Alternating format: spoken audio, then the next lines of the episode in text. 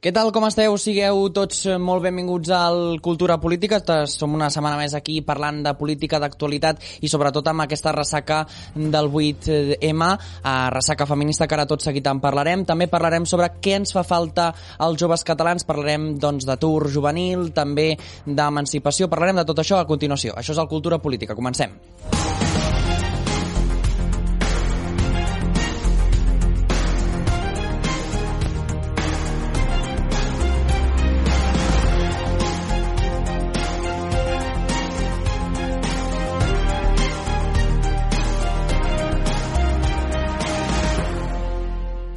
Doncs comencem ja i ho farem, com sempre, amb la gent que avui ens acompanya. En aquest cas, Marta González, de, del GERC, en aquest cas, benvinguda. Encantada. També tindrem el Jordi Planes, de Joves Demòcrates, benvingut. Moltes gràcies. Ismael Ballarri, de les noves generacions del PP. Bona tarda. I Dani Mota, de Joves Socialistes. Molt bona tarda. Benvinguts. Doncs uh, comencem, si us sembla, abans, però fem un repàs de l'actualitat de la premsa amb els titulars. Som-hi.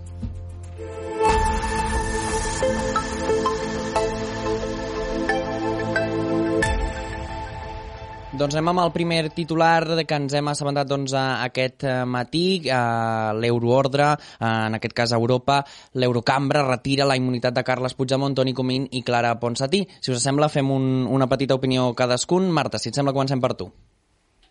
Um, bueno, per començar, és que no hi estic d'acord. Vull dir, uh, aquestes qüestions jo crec que al final siguis independentista o no ho siguis, que en el meu cas està clar que ho soc, sense jovent republicà, mm -hmm. um, al final es tracta d'una cosa de drets humans, no només de política, sinó també de no permetre que una persona pugui tornar a un país només per haver intentat decidir o no um, com vol que acabi el seu país.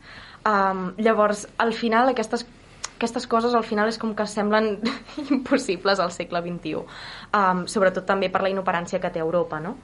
Però, però vaja um, és que aquesta, aquest podria ser el resum mm, Ismael, ha vingut tard aquesta Eurocambra, la decisió de l'Eurocambra en aquest cas? Bueno, els processos europeus i burocràtics sempre, com diuen, la burocràcia va molt lenta i bueno, ha arribat al moment que havia d'arribar eh, considero que és una bueno, és encertada perquè al cap i a la fi és una persona que està eh, investigada i que se la requereix en els jutjats espanyols per una sèrie de delictes que ha comès i llavors ha de respondre. Llavors, quan ho hem vist amb altres eh, eurodiputats que han estat investigats igual, se'ls ha tret la immunitat, doncs a Puigdemont, a Ponsatí i a tots ells també. Jordi. Uh, jo crec que, bueno, com comentava la companya, és totalment un error. No crec que la justícia, en aquest cas el Parlament Europeu, uh, hagi pres la decisió correcta. Uh, crec que també ho demostra el fet de que uh, Puigdemont, uh, Toni Comín, uh, Lluís Puig, etc sempre s'han posat a disposició de la justícia quan se'ls ha requerit. La justícia belga ha determinat doncs, que no se'ls havia d'extraditar i, per tant, uh, és possible que tornem a veure un escenari d'aquestes característiques. També la justícia alemanya va negar uh, aquest, aquesta fase d'extradició. Uh, uh, però també crec que hem de ser pragmàtics. Europa al final és un club d'estats i no podem esperar que arribin respostes màgiques d'Europa. Dani Uh, a veure, primerament, eh, només es parla de que si hi ha un drets humans vulnerats i tot això, vale, està molt bé, però aleshores a mi m'agradaria parlar del que són els números. Eh, per exemple, jo el que estava mirant ara mateix a, bueno, a xarxes socials és que, els, és que diferents polítics independentistes deien que això era una vergonya, però ei, no passa res perquè un 40% dels diputats de l'Eurocambra han estat a, han estat a, a favor de que no se'ls no se tragués la immunitat. I com és possible aleshores que, per exemple, eh, el 6 i el 7 de setembre del 2017 els drets d'aquesta gairebé meitat de Catalunya en una representativitat no se'ls tingués en compte. Com es pot ser que es declarés una independència unilateral i no es tingués en compte? Per tant, la pregunta és, per què sempre hi ha una victòria moral, perquè sigui quin sigui, sempre hi ha una victòria de, segons, suposar l'independentisme, i al final tot és un relat i jo crec que hi ha prou de relats i que si la justícia determina una cosa i hi ha una del cable doncs s'ha de respectar perquè a més compleix tots els requisits legals. No estem parlant diguem d'una dictadura estem parlant de la Unió Europea. I ara per dir, ja dir que Europa és una dictatorial i antidemocràtica. no és dictatorial ara per, perquè ja per dir si això sempre... i que no respecta la democràcia si sempre... No, perdona. Um, la democràcia precisament és permetre que una que un conjunt de persones puguin, ni que sigui, expressar la seva opinió respecte de com vol doncs ja que sigui, està, el seu, ja que sigui el seu futur. Per altra banda, el que has dit, de s'han de respectar les lleis, fantàstic, sí, vull dir, fem-ho. Um, però què passa? Que és que a vegades hi ha certes lleis que són absurdes, hi ha certes lleis que són absurdes i que és que al final, si no ens saltem algunes lleis, com es farà la història? O sigui, um, i, i això ho lligo És una que mica... això és la democràcia. espera't. I això ho lligo una mica amb el feminisme. Vull dir, tu, per exemple, um, si, si mires una miqueta els llibres d'història, veuràs Rosa Parks, que era una tia que estava super oprimida perquè, òbviament, els col·lectius negres al segle passat estaven molt oprimits, um, aquesta persona gairebé no podia pujar ni a l'autobús um, perquè només la veien per la seva pell. Um, aquesta persona es va atrevir a desafiar la llei, a desafiar el que unes persones deien que era la llei, per poder demostrar quins eren els seus drets, no? Vale, però m'estàs comparant Rosa Parks amb Carles Puigdemont. El no context és t'estic molt comparant diferent. Rosa Parks amb Carles Puigdemont, t'estic comparant el que és de vegades tenir la necessitat de saltar-se la llei. Tu creus, si no, que s'haurien fet manifestacions de, um, en contra de l'empresonament de... És que múltiples persones, o sigui, t'estic parlant del 2017, Si t'estic us- parlant... Si, si de- vols acabar, Marta, i, i passem al següent titular, si us sembla. Vols, vols acabar el que deies? el que No, no, no, dient? no pateixis, Doncs ja ho anem a veure el següent titular, que parla sobre el Mobile World Congress 2021. Uh, 50.000 assistents, sales d'aïllament i sense cap contacte. Sony Ericsson és la companyia, la primera companyia que ja ha dit que no assistirà a aquesta edició 2021 del Mobile World Congress. Si et sembla, uh, Ismael, comencem per tu, què et sembla? Tot plegat, tota la planificació del Mobile World Congress 2021. Uh, bueno, a veure, primer de tot vull lamentar que Sony Ericsson no vulgui venir a, bueno, al Mobile World Congress perquè al cap i a la fi acaba sent un acaba, acaba de ser un problema per, per nosaltres, per als catalans i sobretot per als barcelonins i sobretot els espanyols per al fet de que, bueno, que una empresa no vulgui venir és eh, no tenir el Mobile World Congress eh, amb la seva totalitat i tot el que aporta. Llavors, mm. això és un problema. Eh, considero que no m'he mirat 100% quines són les mesures que, que, que es volien fer per aquest Mobile World Congress, però considero que sí, hi ha unes mesures i eh, bueno, res, recolzades per al que seria un comitè d'experts i unes persones que saben, jo considero que es podria fer com qualsevol altre acte sempre i qual hi hagin aquest tipus de mesures i es puguin respectar. Dani, demana una mica de brevetat amb les respostes també tots en general. Vale. No, a veure, també estic bastant d'acord, vull dir, al final és un comitè d'experts el que no planifica això, tampoc soc un expert en logística, però entenc que hi ha unes mesures i si una empresa doncs, no vol venir està en el seu dret, però tanmateix és una mala notícia. Per, no només jo crec que per la societat catalana, sinó per la pròpia empresa que es perd l'oportunitat d'estar en aquest congrés tan important després de que l'any passat es cancel·lés i ara es pugui tornar a reprendre. Jordi. Uh, bé, jo personalment uh, sí que puc arribar a entendre la decisió de Sony Ericsson uh, perquè bueno, he tingut l'oportunitat d'anar molts anys al Mobile World Congress i m'imagino que donada la situació actual que realment uh, serà molt complicat garantir les mesures de seguretat per la pròpia naturalesa d'aquest acte. El que crec és que no hem de perdre l'oportunitat d'aprofitar i renovar-nos i repensar tot aquest uh, sistema de fires eh, perquè sembla que això doncs, uh, ens acompanyarà una temporada i per tant que hem de fer més que, més que quedar-nos en, en la mala notícia és buscar què podem fer per incentivar noves bueno, maneres de jo generar el que deia són les mesures, perquè sempre es pot fer eh, xerrades eh, de forma streaming, de forma eh, virtual. Llavors, sempre pots fer una fira en la que hi hagi menys assistents, però molts d'aquests assistents siguin de forma virtual. Um, jo és que al final no, no entenc quina és la importància d'aquest titular, uh, no perquè no m'importi, sinó perquè jo crec que considero que um, vivint una pandèmia mundial parlar del Mobile World Congress no hauria de ser un, un tema de titular, sobretot quan persones estan morint, quan persones no poden sortir de la seva pròpia comarca per no veure familiars, etc etc.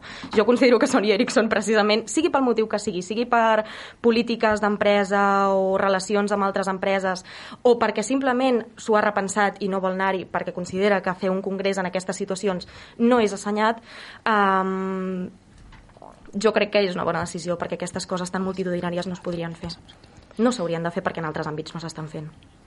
Doncs, si us sembla, anem cap al primer debat. Parlarem sobre el 8M a Catalunya, a moltes concentracions, a, a mesures, d'altres que no, no respectaven tant aquestes mesures. Ho parlarem ara a continuació del debat.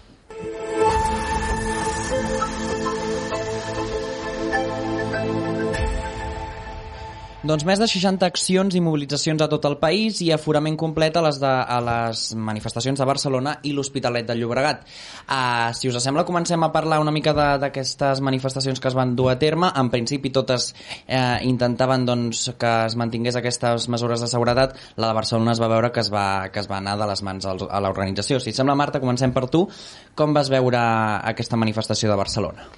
Jo les vaig veure bé. Um, al final, concentracions d'aquest tipus són necessàries. És a dir, um, el feminisme no és una cosa que es lluiti al 8M, el feminisme és una cosa que es lluita cada dia de les nostres vides, perquè cada dia de les nostres vides vivim una opressió com a dones um, i, i moltes altres persones, però en aquest moment com a dones.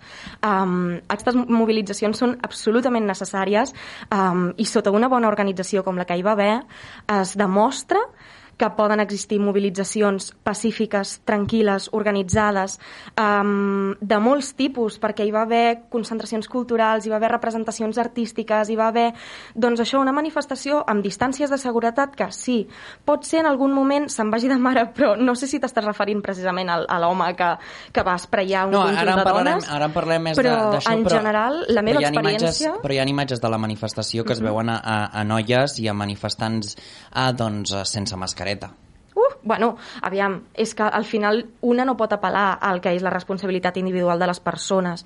Um, això mai es podrà controlar.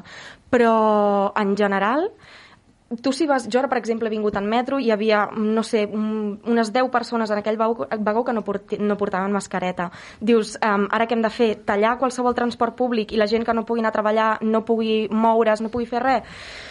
Al final, no pots controlar aquestes coses. Jo de la mateixa manera que vaig criticar les manifestacions a favor de Pablo Hasél precisament perquè la Generalitat deia distància, mans i mascareta, ho seguiré parlant en aquestes manifestacions feministes perquè el, la cosa són manifestacions i distància no hi havia uh, ah. les imatges no, no mostren gaire distància. No sé quines imatges has vist tu. Per exemple, ara tinc aquí mateix imatges davant meu i, i no mostren gaire, gaire distància. Però ara, si us sembla, seguirem parlant i també us preguntaré a vosaltres sobre la, les vostres opinions opinions, però Jordi, et sembla si, si, bueno, què, què et va semblar aquestes manifestacions? Bé, jo crec que és necessari, com apuntava la companya, sobretot eh, evitar, jo crec que, que buscar el, el, el conflicte, diguem amb el tema sanitari, perquè al final el dret de manifestació hi és. Crec que les eh, problemàtiques que es viuen en temes de desigualtats de gènere s'han de treballar, no només al 8M, jo crec que també és una cosa que s'hauria de lluitar a diari, perquè malauradament doncs, no desapareixen l'endemà del 8M.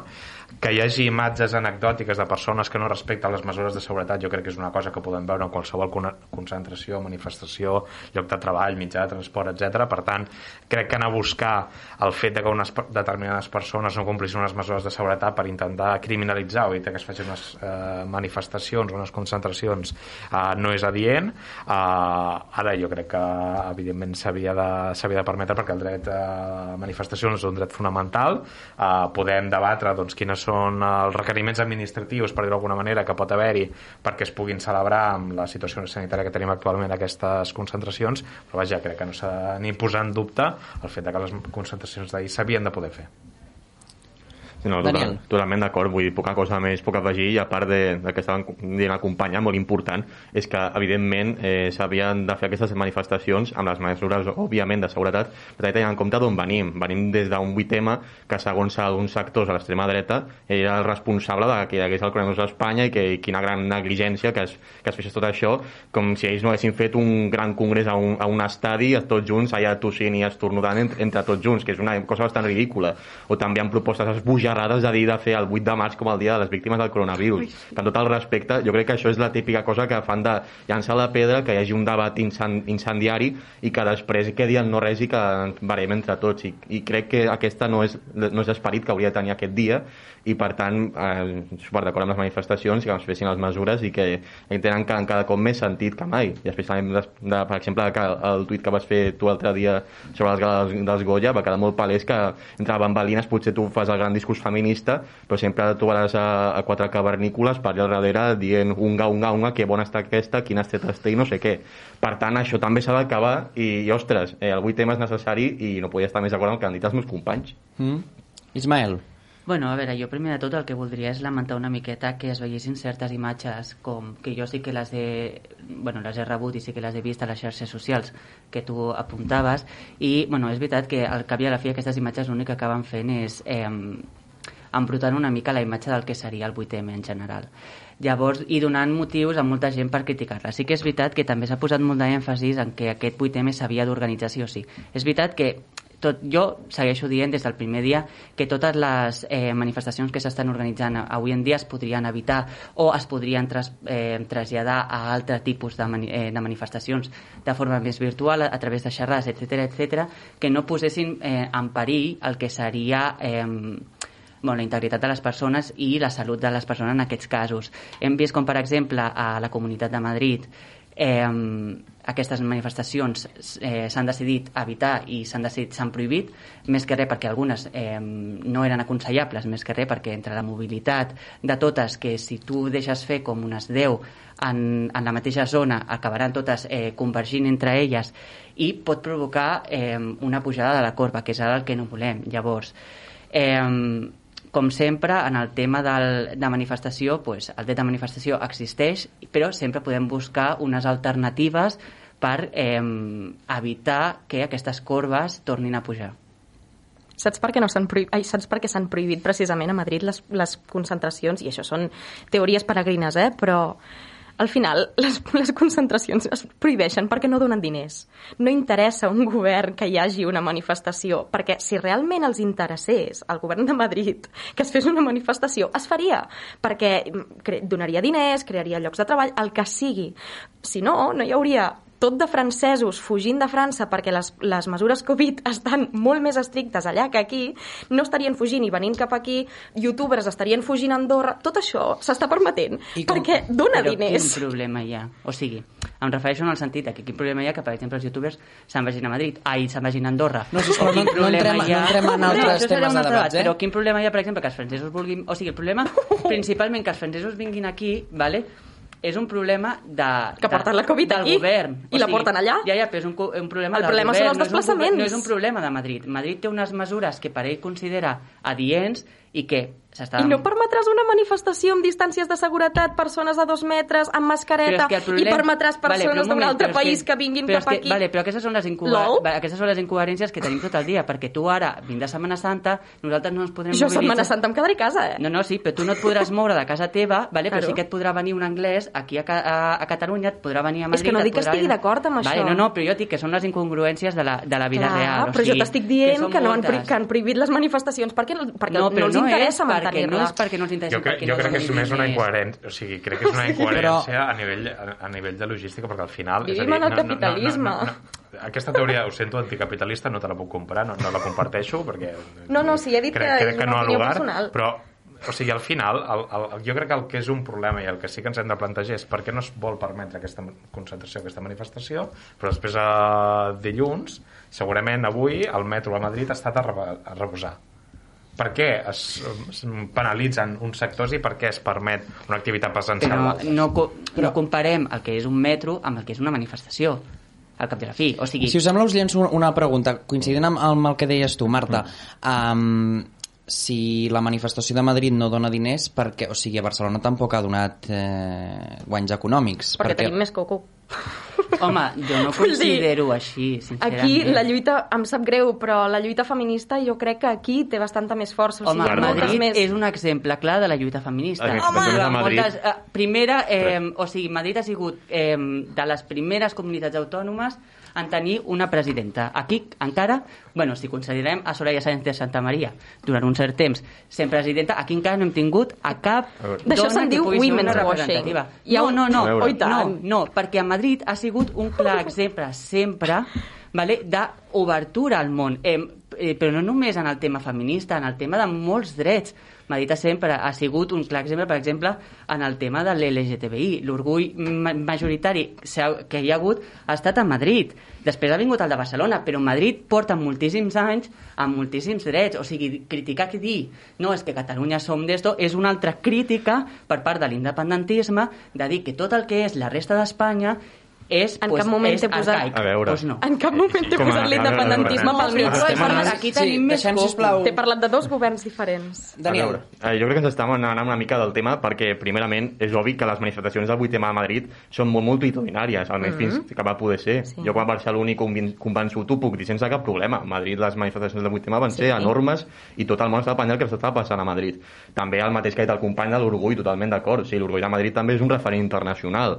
Ara bé, Eh, jo crec que ja s'està fent una mica l'error també, que no és el mateix l'Ajuntament de Madrid que la Comunitat Autònoma de Madrid, que, el, que és el govern central que té la seva subdelegació a Madrid, o sigui, cadascú té les seves competències i també s'ha d'anar una mica en compte de tot això. Clar. I també generalitzar, perquè clar, hi ha molta gent que es vol vendre que Madrid és això, és la- l'Espanya castiza de bailar, bailar chotis en, la, plaza- en No. San Isidro i ja està. No, no. hi ha, mol- hi ha molta més cosa i, i per tant, jo crec que el debat una mica hauria de ser el que deia el company de com és que algunes coses sí i les altres coses no. Però jo no dic ja per un tema de conspiració o perquè hi ha un interès econòmic aquí de que es faci això i això altre, no. Jo crec que el que s'hauria de fer sempre tenir els criteris sanitaris a mà. I també, no ve gaire al, al cas, però també recordo que aquest mateix, aquest mateix programa de ràdio es va debatre fa uns temps i les eleccions havien de ser un problema i jo veure tuits de gent dient que les eleccions moriria un munt de gent per les eleccions, que o sigui la vida o sigui el vot. A veure, una mica de, una mica de seny. S'ha d'anar en compte, s'ha de tenir també criteris per fer determinades coses i s'ha de ser coherent. Però també és veritat que entenc que a vegades que és incoherent, però no crec que sigui per uns interessos amagats en tot això. Creieu que potser hi ha hagut por a Barcelona, a Catalunya, de prohibir aquestes manifestacions, vist el que va passar a Madrid, la resposta social que va haver-hi quan es van prohibir aquestes manifestacions, i, i si hi ha hagut por a l'hora de prohibir-les pel fet d'aquest factor feminista no? que, doncs, que no volia que que que s'anul·lessin aquestes a, a, manifestacions. Et sembla, Jordi? Jo crec que por no, és a dir, de fet no s'han prohibit altres manifestacions a Catalunya, no entenc per què s'hauria de prohibir aquesta, i una mica com apuntava el company, crec, mm -hmm. crec que és més un tema de tenir clar quins són els protocols, quins són les mesures, quina és la manera que podem manifestar-nos avui en dia, que no prohibir o deixar de prohibir, perquè al final eh, estem una altra vegada entrant en intentar limitar drets fonamentals. Jo crec que aquesta no és la sortida, la sortida hauria de ser què podem fer perquè les concentracions, les manifestacions, perquè tots els col·lectius puguin expressar les seves opinions, les seves demandes eh, de manera segura, eh, de manera pacífica i per suposat doncs, eh, garantint no només la seva salut sinó la de tot el, tot el, tota la societat perquè al final és un tema sanitari és un tema que ens afecta a totes i totes. I per tant jo crec que el debat hauria d'anar més per aquí Uh, por a prohibir aquí a Catalunya no crec que sigui un tema de, de por. Jo simplement el que crec és que a Madrid hi ha hagut un criteri erroni. Crec que és un criteri que no s'ha fet uh, adequadament. No sé a què respon perquè no, no, no tinc contactes diguem-ne polítics a Madrid que em puguin explicar el per què això sí i això no però jo crec que no és un tema de, de, de que aquí hi hagi hagut una por a, a, al feminisme sinó que és un tema de mala decisió a Madrid Seguiré repetint-ho, eh? Sí, que tothom pugui expressar la seva opinió, però no amb 4.000, eh, amb més de 4.000 contagiats en les darreres hores i més de 200 fa, mm, doncs, morts per coronavirus. Però bé, eh, si us sembla, ara, ara continuarem parlant sobre aquestes manifestacions del, del 8M, eh, però parlem ja amb la Núria González, ella és de la plataforma eh, abolici... la plataforma feminista de Catalunya. Què tal? Benvinguda. A Catalunya Abolicionista Plataforma Feminista. Acord, que no, no ho tenia apuntat. Benvinguda, gràcies per estar avui amb nosaltres. Més que res, eh, no sé si has pogut anar seguint una miqueta el que parlàvem ara al programa, uh, però bé, la primera pregunta és clara, com vas viure tu aquesta manifestació a Barcelona? Tu hi eres present i ara parlarem també del, pel, pel, del per què t'hem convidat a tu, no?, pel, pel que veu viure, però, però una miqueta en general com va anar aquesta manifestació? Mira, va haver molts actes al llarg del dia a Barcelona. Mm, Per exemple, nosaltres vam organitzar l'acte de les 12 del matí a la plaça Sant Jaume. Van ser moltes dones, però vam ser moltes dones guardant les mesures de seguretat. No va haver absolutament cap problema. Em consta que va haver altres, altres actes al llarg del dia a tota Barcelona i no va haver cap problema a cap lloc. Es van guardar totes les mesures de seguretat. Inclús a la manifestació unitària, diguem-li, convocada a les 6 i mitja al Passeig de Gràcia per vaga feminista 8M, al principi estava ben organitzat, el que passa és que el servei d'ordre eh, se'ls va anar de les mans, eh, la gent que estava organitzant el tema no va tenir cura de que la gent cuidés les mesures de seguretat i inclús els col·lectius que estaven intentant guardar les mesures de seguretat van ser, o sigui, van ser invaïts en el seu espai per gent que no tenia cap intenció de complir les mesures de seguretat. És més, per exemple, el que van posar de capçalera de la, de la, de la, de la manifestació estàtica va ser un autobús en forma de discoteca mòbil i clar, això no convida gaire a una manifestació estàtica, no? però això va ser culpa exclusivament de l'organització i, de i de qui no va vigilar que es complís les mesures de seguretat Covid. Per tant, Núria, m'estàs confirmant, eh, com vas estar tu allà que, eh, ahir a la tarda, doncs que les imatges que jo deia que hi havia gent sense mascareta no eren punts puntuals com s'estava defensant no. en aquesta taula. A veure, eren punts puntuals perquè la majoria de gent volia manifestar-se de manera segura. Mm -hmm. El que passa és que hi havia certa gent a la que se li va permetre que caminés i que voltés per tota la, per tota la concentració, que no tenia cap intenció de, de respectar les mesures de seguretat. No era la majoria de la gent, no era el gruix de la gent, però sí era una gent que es movia per tot arreu. En principi la manifestació era estàtica, tu t'havies d'apuntar un tram, tenies un tram assignat, inclús dintre del tram estaven senyalats amb creuetes al carrer, a la part on tu et podies moure, per no envair el metre i mig que tenies per, per la resta de companyes, no? Però bueno, mm. hi havia gent que no ho va respectar i que ningú li va dir que ho respectés i, qui, i que de, de, de la manifestació qui li va dir que, que ho respectés eren o altres col·lectius com el nostre o una part del servei d'ordre de la manifestació que no tenia cap recolzament del servei de la manifestació oficialment, per això jo poso tota la responsabilitat en la, en la mala organització de la, de la convocatòria, evidentment. Mm -hmm. Parlem d'aquests trams i per això t'hem convidat a, a tu avui aquesta tarda perquè en el teu tram, a, a la teva colla, no diguéssim, veu ser agredides uh -huh. per un grup de persones, si no m'equivoco. Com va anar? Sí.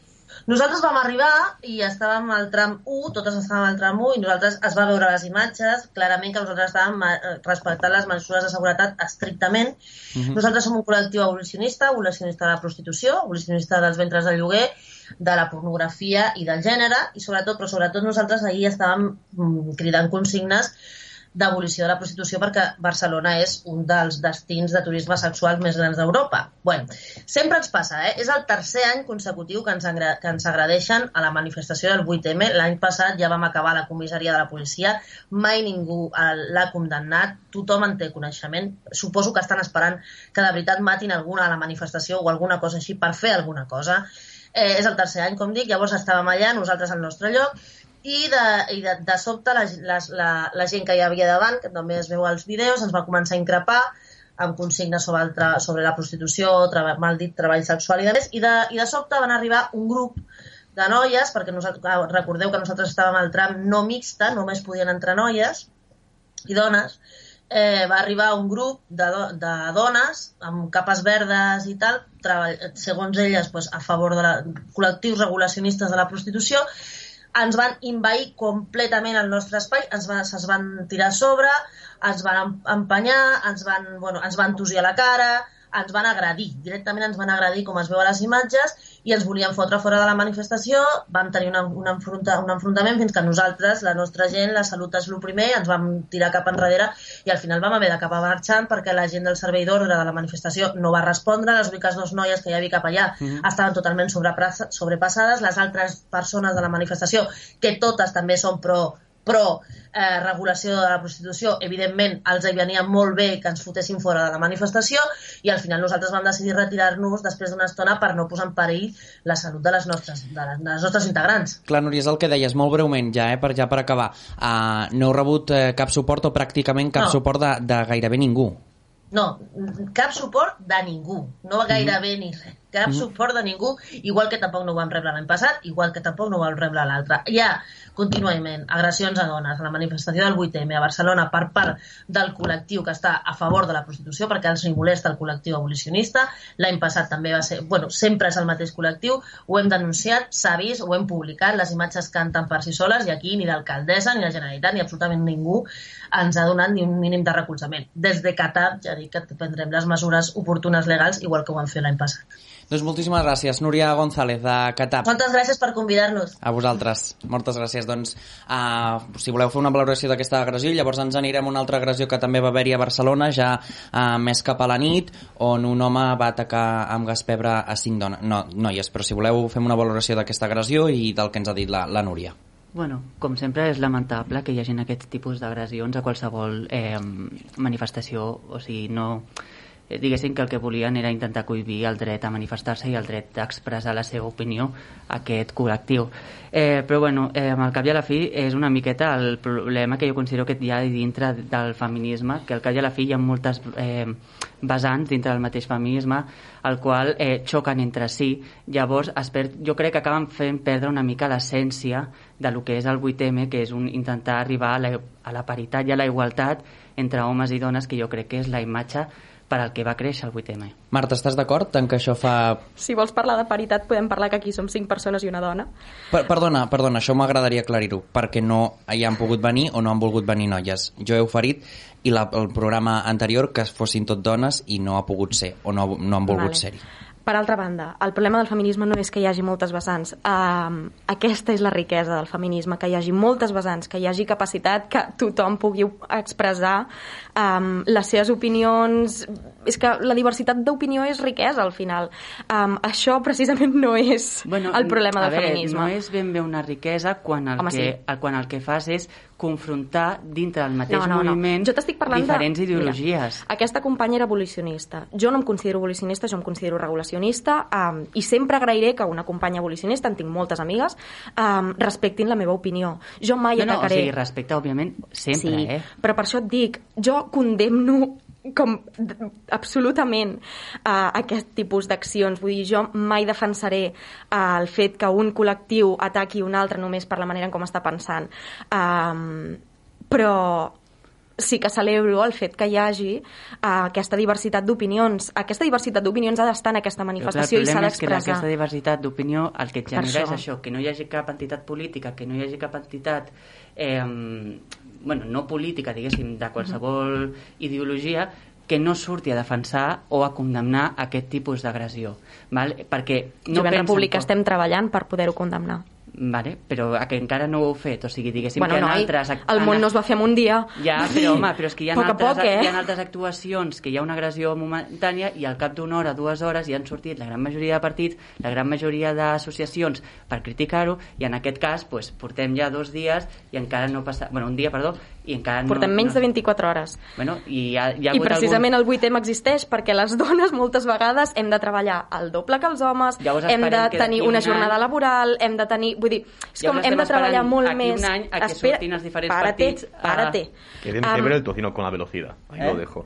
Que tiene que ver el tocino con la velocidad. Exacte, vull Però dir, no és això, nosaltres és seguim treballant... No, Espera, el feminisme no es fa ni en un dia, ni en dos, ni en tres. Nosaltres treballem perquè el 8M pugui, aquest any precisament, perquè hi ha una manifestació on no pot ser multitudinària, poder fer tot el més de, de visibilitzar dones de la història, de poder condemnar el masclisme, poder condemnar um, doncs, la bretxa salarial, moltes altres coses.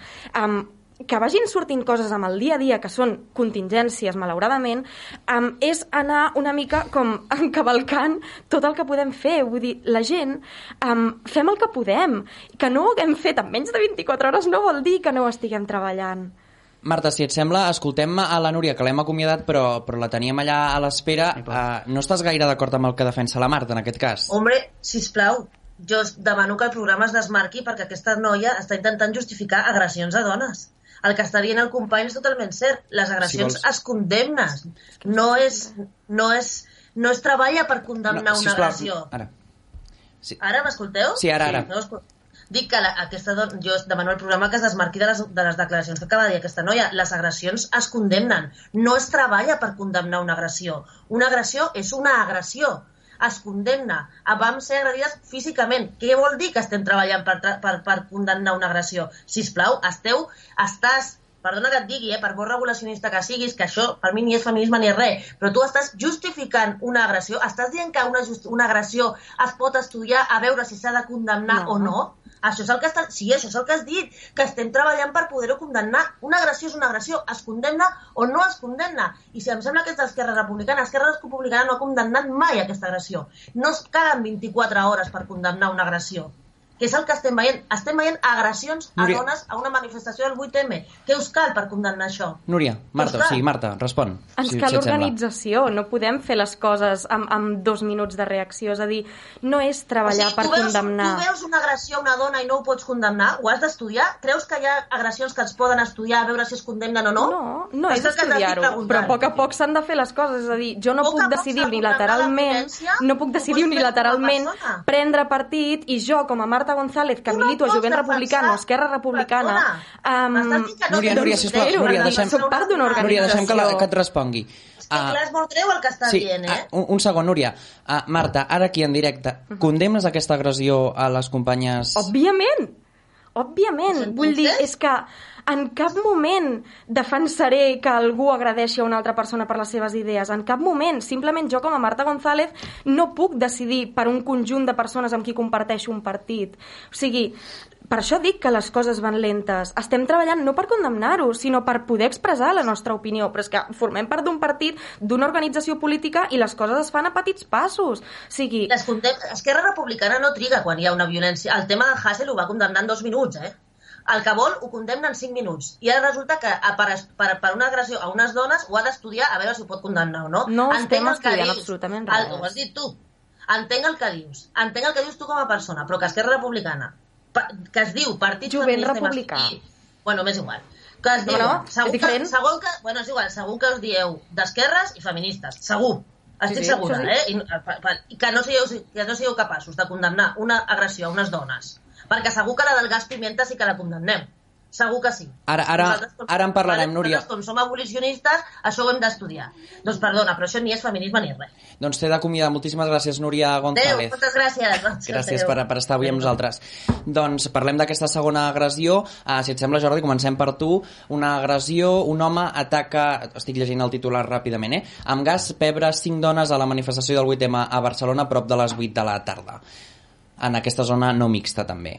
Bé, jo crec que és eh, representatiu de, de, de la importància del 8M i de treballar per la igualtat de les dones, que hi hagi una persona, un home que se senti amb dret a agredir a cinc dones perquè defensen alguna cosa que ell no deu considerar dient, doncs crec que, crec que és molt sintomàtic de que efectivament no estem eh, en una societat igualitària que defensi prou els drets de les dones i evidentment aquí el que ha d'actuar és eh, la justícia d'ofici per eh, doncs, eh, condemnar aquesta acció que aquesta persona sigui retribuïda de manera que eh, correspon retribuïda diguem-ne des del punt de vista jurídic eh? Eh, i per tant eh, això, eh, condemnar-ho evidentment eh, condemnar aquesta agressió com condemnar qualsevol altra agressió com la que comentava abans la companya i per tant eh, en les següents passes que s'han de fer és què es pot fer per evitar que això es reprodueixi en properes concentracions, manifestacions i evidentment que aquesta persona sigui uh, jutjada.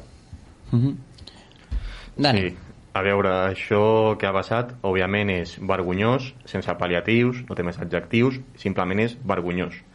Dit això, jo crec que sí, òbviament, aquest subjecte el que s'haurà de fer serà anar al jutjar a veure què es pot fer, eh, mirar, mirar quines responsabilitats té, perquè clar, l'agressió entenc que ja és un delicte recollit al Codi Penal i per tant tindrà una sanció com a mínima econòmica, com a mínim entendria, ara no ho recordo gaire bé perquè ja ho vaig fer fa un Hem de dir que, que està sent investigat aquest home. Perfecte. Aleshores, genial, perquè és vergonyós, com, com ho he dit. Però també és cert que per molt que agafis aquest home eh, o que agafis a un altre que faci alguna barbaritat, no hi haurà prou i òbviament el que cal, a part del 8M, és reivindicar dia a dia i que, per exemple, el 8M, clar, ha sigut molt notori perquè ha passat una manifestació, han sigut moltes dones afectades i, òbviament, ha sortit ràpidament com la pólvora i ja s'estan investigant coses. Però, per exemple, m'agradaria mm, parlar d'un Mhm. documental que ha sortit fa poc a Netflix, el cas de Nevenca, a l'Ajuntament de Pontferrada, com va ser un cas d'una dona que estava en política en aquest ajuntament i com el seu alcalde va abusar d'ella i això va sortir gairebé impune i fins ara, de, després de, jo que sé, 25 anys, no, no s'ha fet res. Això ens ha de fer pensar en com és la societat i realment com és eh, el feminisme que es viu amb ella, perquè no és només un dia, sinó que s'ha de fer en tot. I per tant, òbviament, s'ha d'estudiar com fer-ho, però també s'ha de ser molt combatiu i que el que no pot ser és que perquè si passa el 8M sigui la gran notícia i si passés un altre dia ningú en parlés d'ella. Per tant, s'ha de començar a dir això, per exemple, coses com el llenguatge, el típic de ha mort una dona, no, no, no ha mort no, l'han matat, coi, parlem en propietat i diem les coses pel seu nom. S'ha de començar a caminar per aquí i a poc a poc anar construint. El que no es pot fer, òbviament, clar, sí, és gas pebre també és, és que és molt... És com de, els elements, mm, tots els elements que haurien d'aclarir perquè això pogués ser una mínima notícia i que ocupés un mínim titular, perquè potser si hagués sigut, jo que sé, un home eh, escridassant, no hagués transcendit això, no hagués importat a ningú. Per tant, la reflexió que vull llançar és aquesta. Eh, pe- molt malament, vergonyós. Però què, me, què més s'ha de fer? Hem d'intentar ser més pedagògics en, en aquest sentit. Mm -hmm. Doncs si us sembla uh, acabem ja aquesta, aquest, aquest de, primer debat perquè ens, que ens queda poc temps ja per per l'altre debat Puc sí, acabar amb una petita frase? super breu Sí, no, segons Uh, una mica dient el que, uh, posant l'exemple que ell deia del cas aquest de Netflix, eh, bueno, pues fer una ullada a tot el que hem aconseguit, que la veritat és que és moltíssim, que sobretot hem de seguir lluitant per, el fam... bueno, per la igualtat entre homes i dones. Jo, per exemple, ahir llegia una notícia de que les grans empreses de l'IBEX estan lluitant en això i que empreses com Inditex, eh, eh, Iberdrola i Siemens Gamesa, per exemple, ja paguen més a les dones que els homes i estan lluitant per intentar arribar a aquesta paritat màxima.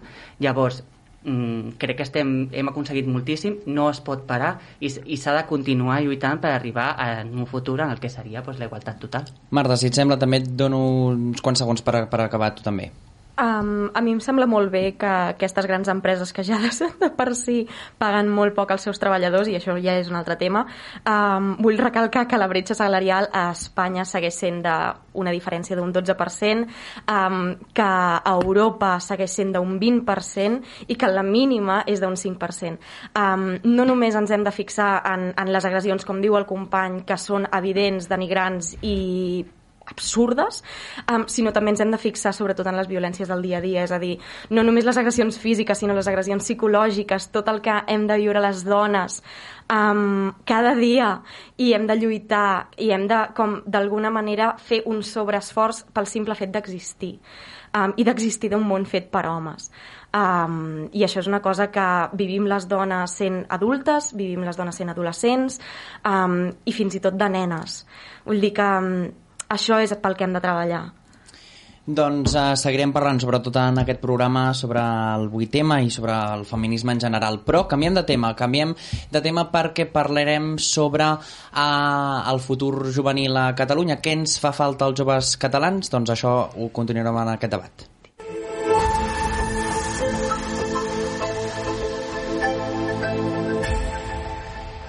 Doncs, si us sembla, primer anem a veure un petit titular que, que doncs, ens introdueix en el tema d'avui.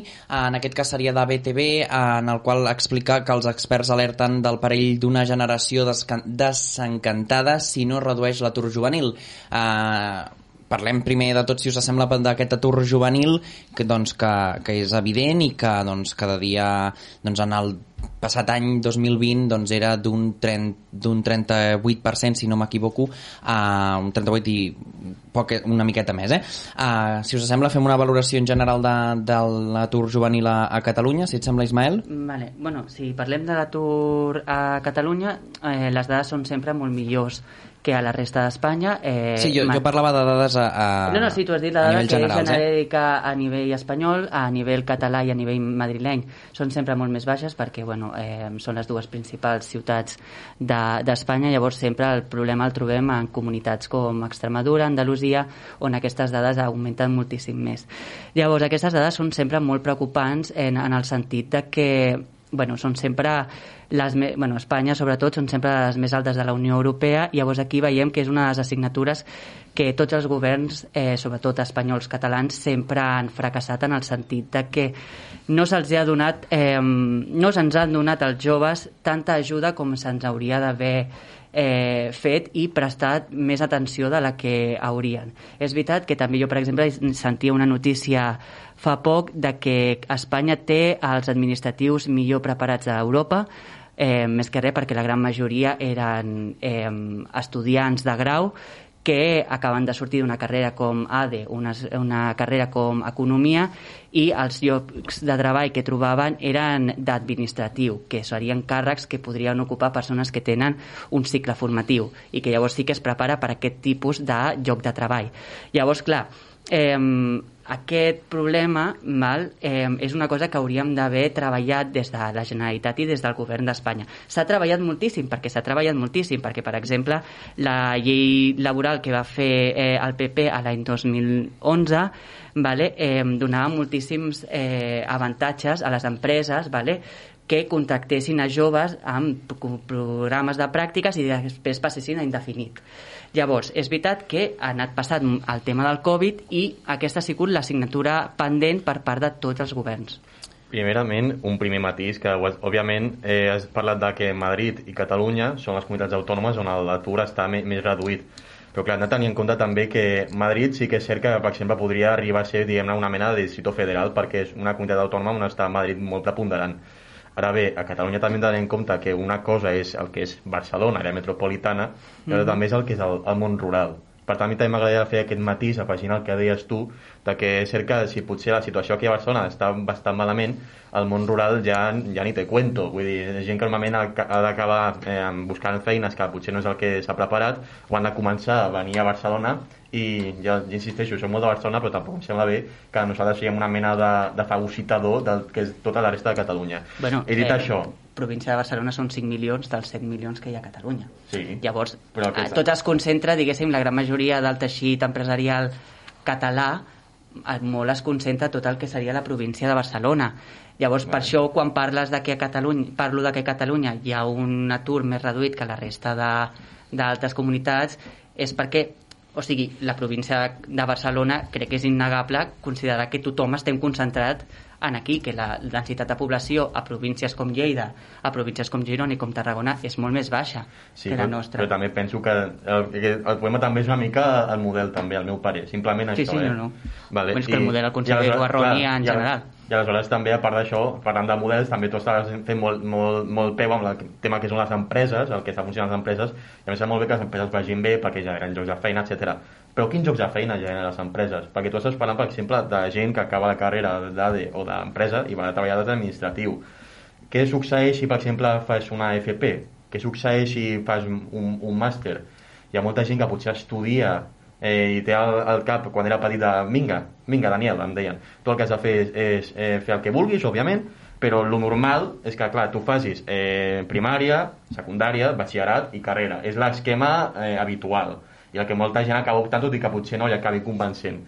Però, ostres, que després vagis eh, al món real i enviïs 50, propo- 50 sol·licituds de feina a LinkedIn que no t'agafin a cap i que després potser que t'agafin sigui per una cosa que no has estudiat res jo crec que és una mica frustrant i crec que el titular que apareixia abans en pantalla és el que dona bona fe d'això perquè, bueno, incentius a contractació però els poca gent que treballa amb quins salaris treballa. Jo crec que és el, el gran factor, el no tenir una perspectiva d'un un sou fixe, una estabilitat econòmica, que, per exemple, et plantegi de, bueno, doncs jo, de, jo què sé, jo d'aquí dos anys puc anar a Barcelona i comprar-me un pis a Barcelona. Jo crec que la gran Ara parlarem gent, sobretot això també de l'emancipació no de, dels això no joves, si us sembla. Però hem de fer una correcció. No sé si podem veure el següent titular. Uh, en aquest cas, per el, la taxa d'atur juvenil s'enfila a prop del 34%. No, aquest no. Uh, la taxa d'atur juvenil s'enfila a prop del 34% l'any de la pandèmia, ara ara el posarem a la pantalla, mentre que Espanya és un 36%, ha pujat 7 punts del darrer informe. Uh, en aquest cas seria molt menys, però, però per molt poc, uh, a nivell del global. Uh, també veiem una dada en aquest titular molt interessant, que seria que el col·lectiu que més ha notat doncs, aquestes caigudes de l'ocupació és de entre els 25 i els 34 anys. Uh, quina valoració en feu, Jordi? Uh, bé, jo crec que aquest impacte reforçat, per dir-ho d'alguna manera, de la pandèmia era més que esperable, perquè al final uh, si ja partim d'una situació en què l'atur de juvenil eh, és molt greu, és molt estructural i per tant uh, ja es veu que hi ha un problema, és lògic en el moment en què hi ha un impacte econòmic eh, sanitari d'aquesta magnitud encara empitjori més la situació de les persones joves i per tant, evidentment, doncs, uh, és una dada que malauradament, malauradament no sorprèn excessivament. Tornant una mica al que apuntava el company, jo crec que, eh, i, i partint de que tant empreses, jo crec que el paper de l'empresa aquí també és important perquè és la que genera l'oferta de llocs de treball, però també des de les administracions que són les que regulen i les que organitzen eh, tot el sistema educatiu, crec que cal una aposta més forta per integrar, eh, trans, traslladar informació, cooperar per realment que els joves que s'estan formant o que es formaran al llarg dels propers anys estiguin eh, accedint a, per exemple, a formació professional que, curiosament, fa anys es deia que les persones que no valien eh, havien d'anar aquí i realment el que ens estem trobant ara és que moltes empreses eh, necessiten persones que el seu perfil diguem-ne formatiu o el seu coneixement o, o, o l'àrea d'experiència o de coneixement que tenen o que necessitarien venen de l'àmbit de la formació professional i no venen de, És que eh, potser queda, molt, potser queda molt lleig que ho diguem, o que almenys que ho digui jo, però eh, el cas de que tenim una obsessió potser amb la universitat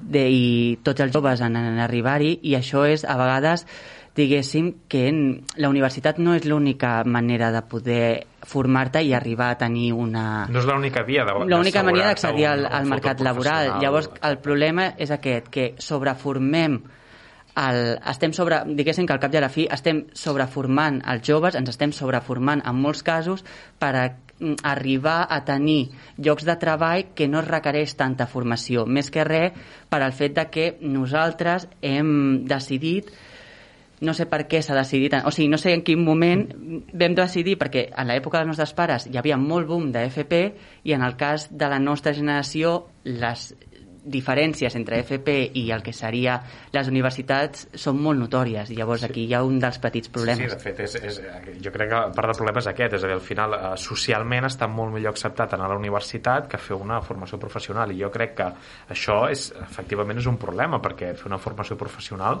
no et prepara menys, et fa menys vàlid o et genera... No, al revés, jo considero menys- que a vegades fer una menys, FP és molt millor que fer una Sí, universitat, perquè al cap i a la pots tenir fi... fins i tot una millor inserció laboral en el futur, inclús Perquè, bueno, fas moltes millor més sou. pràctiques, et Exacte, donen tam- una- També t'adapta, et prepara molt Sí. més per mercat laboral i tam- també volien aquí, perquè jo crec que un dels altres grans problemes de la universitat és que tampoc et prepara pel mercat laboral, Exacte. perquè tu fas 4 anys de, pràcti- de teoria, perdó, jo com a mínim que havia fet administració d'acció d'empreses, eh, com que el grau era en anglès, com que no podien garantir que poguessin fer pràctiques en empreses en anglès i per tant donen uns crèdits per això, no feien pràctiques.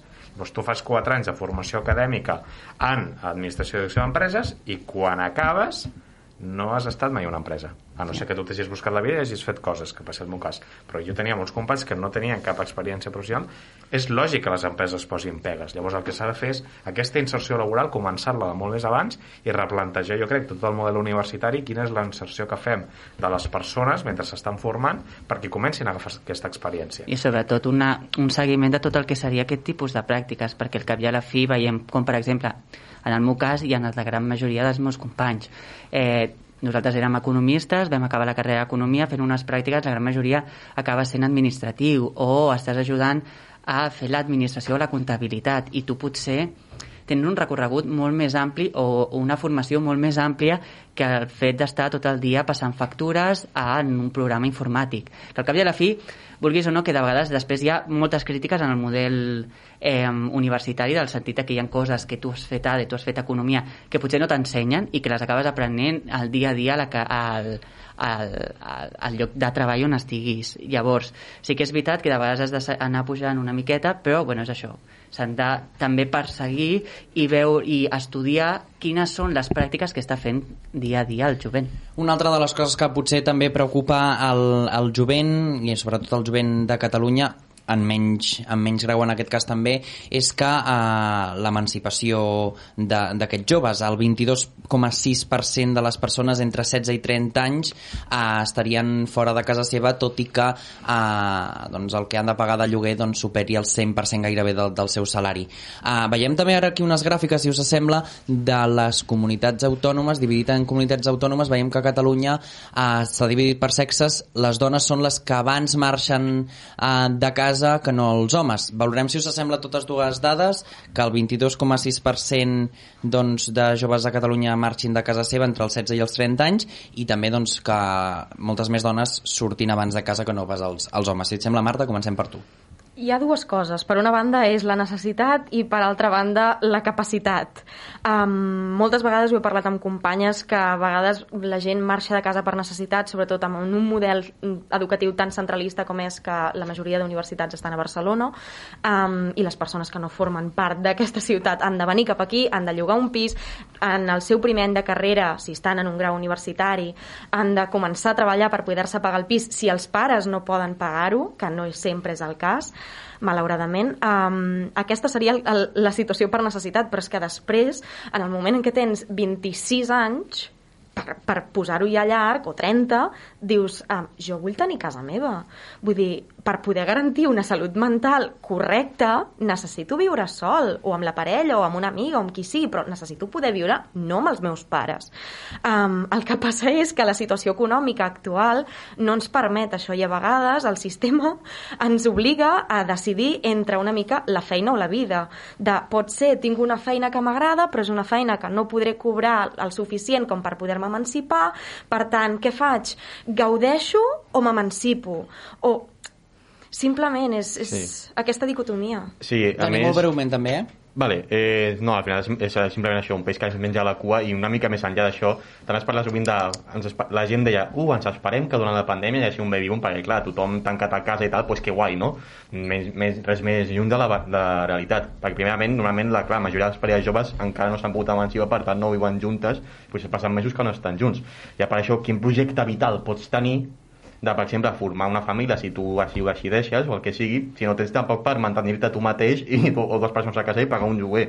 Per tant, és tot un peix que es menja, que es menja a la cua i eh, veritablement el que cal és buscar alguna mena de- d'enquadrament, no? I que no s'hagi d'escollir entre una cosa o l'altra. Jordi. Vaja, jo crec que eh, un dels temes importants i que has apuntat tu en certa manera és el, aquest centralisme de Barcelona, és a dir, també ens hauríem de plantejar, hauríem de ser capaços, aprofitant també una mica tota la situació de pandèmia que vivim, tot el tema del teletreball, potenciar el creixement eh, i que la gent vagi a viure fora de l'àrea metropolitana, fora de la corona metropolitana, també per repartir la densitat de població i efectivament això també jo crec que podria arribar a facilitar l'accés de la gent jove. No vol dir que eh, mantinguem només Barcelona per aquells que s'ho poden pagar, però eh, bueno, és una manera de començar a no sobrecarregat en Barcelona. Ha altres temes mediambientals, per exemple, que també s'han de tenir en compte i que també perjudiquen el fet que hi hagi tantíssima densitat de població. Ismael, et demano superbrevetat. Vale, bueno, em sumo al que estava dient el company. La veritat és que sí, que el principal problema és sempre oferta i demanda a Barcelona.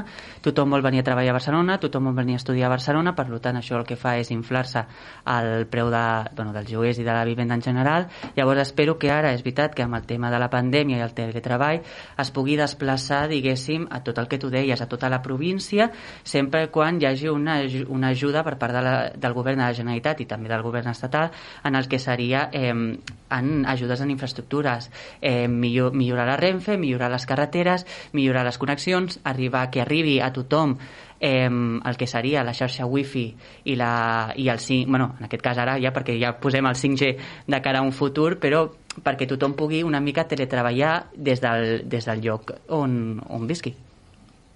Doncs, uh, si us sembla, acabem ja aquí el programa, gràcies a, a tots quatre. Nosaltres uh, us hem de dir, ara ens esteu veient des de Twitter i a partir d'avui doncs, uh, ens podreu seguir a través de Twitter.